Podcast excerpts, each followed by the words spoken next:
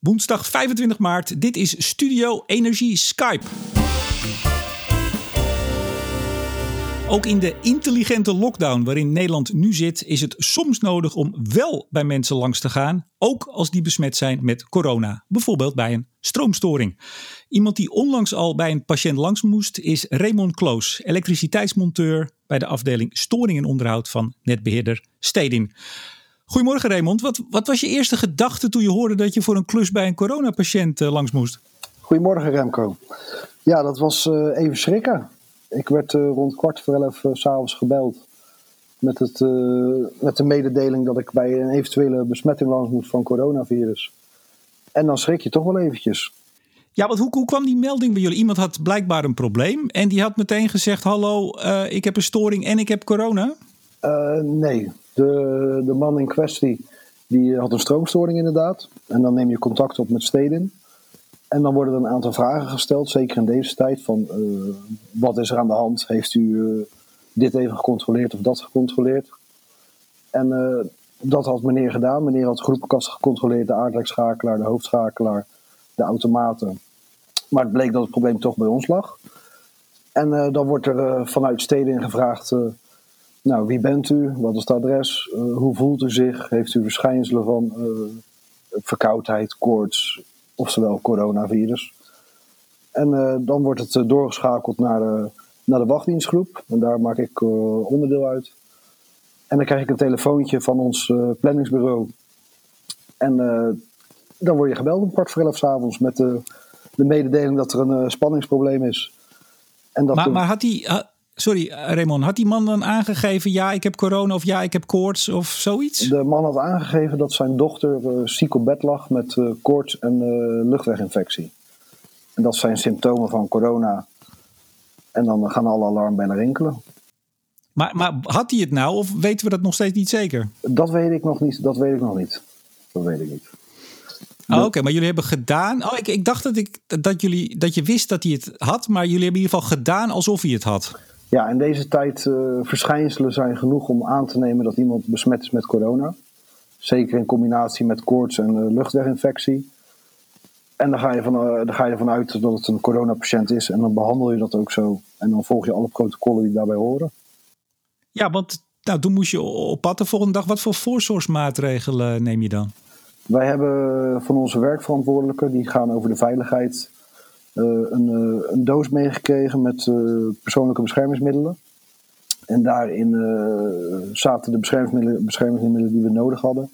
En we hebben ook via de mail instructies gekregen over hoe we daarmee om moeten gaan en hoe we dat veilig moeten aantrekken en mee op pad gaan. En de instructies ja, zijn duidelijk voor ons geweest. En nou, dan kom je daar aan de volgende dag, dan, dan bel je aan, nou, de deur gaat open en dan? Nou, ik kwam uh, s'nachts aan, want het is, een, uh, het is een dusdanig probleem dat een klant geen spanning heeft. En dat kan ook een voorbode zijn van een nog grotere storing. Dus ik ben gelijk s'avonds op pad gegaan. Ik heb uh, na de melding die ik om kwart voor elf s'avonds had gekregen, even met het thuisfront besproken, even met het thuisfront besproken van joh, nu moet ik toch echt op pad naar een vermoedelijk besmettingsgeval. En dan heb ik even mijn werkverantwoordelijk gesproken even doorgenomen. En toen ben ik s'avonds om uh, half twaalf, kwart voor twaalf ben ik op pad gegaan. En ik was uiteindelijk om kwart over twaalf bij de klant. En uh, toen hebben we ter plekke de storing verholpen. Dus dat, uh, maar, maar nogmaals, je, je, je komt eraan, je belt aan en iemand doet open. En, en nou, jij hebt dan je beschermingsmateriaal aan, denk ik. Ja, nou, de klant was van tevoren ingelicht van... doe de deur open, neem afstand. En dat heeft de klant ook gedaan. In de, de informatie die ik heb gekregen... hebben wij ook richtlijnen. Uh, het moment dat wij aanbellen, neem twee meter afstand, 2,5 meter. En vragen aan de persoon of ze de afstand uh, willen houden. En onze veiligheidsmiddelen willen respecteren. Dus in de woonkamer gaan zitten, zodat wij onze dingen kunnen doen.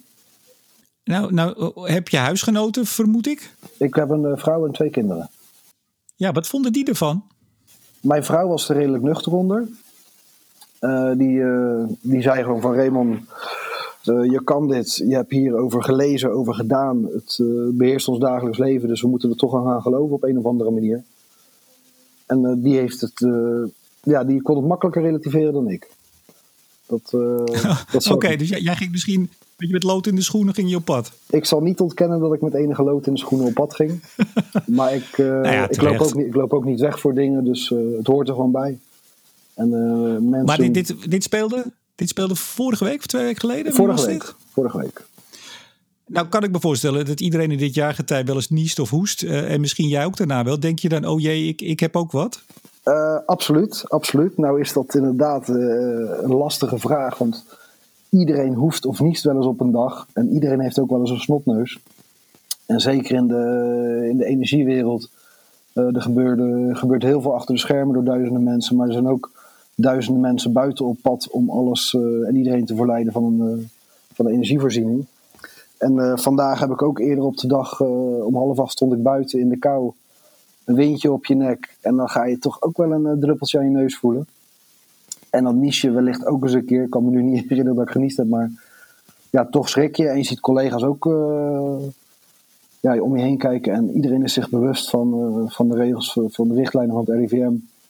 En houdt toch afstand. En dat is uh, alleen maar goed. ja, ja nou, nou, zit je, je zit dus veel langs de weg, neem ik aan. Ik ben heel veel buiten. Ik denk dat 70, 80 procent van mijn werkzaamheden buiten zijn, ja.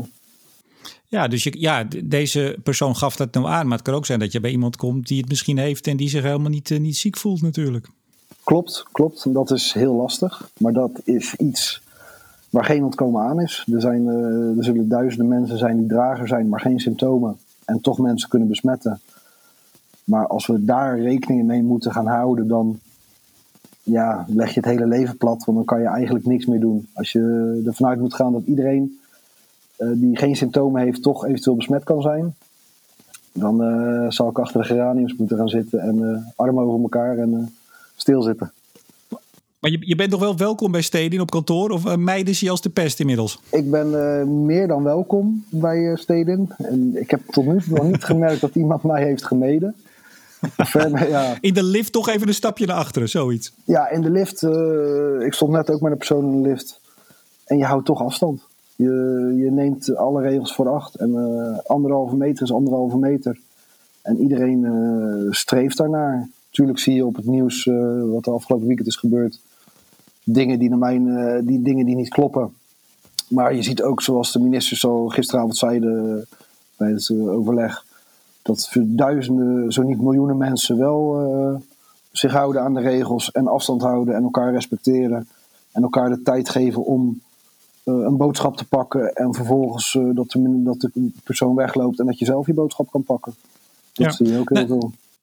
Nou, nou, begreep ik dat er bij Steden is ook een video gemaakt uh, met jou naar aanleiding hiervan. Wat was dat precies?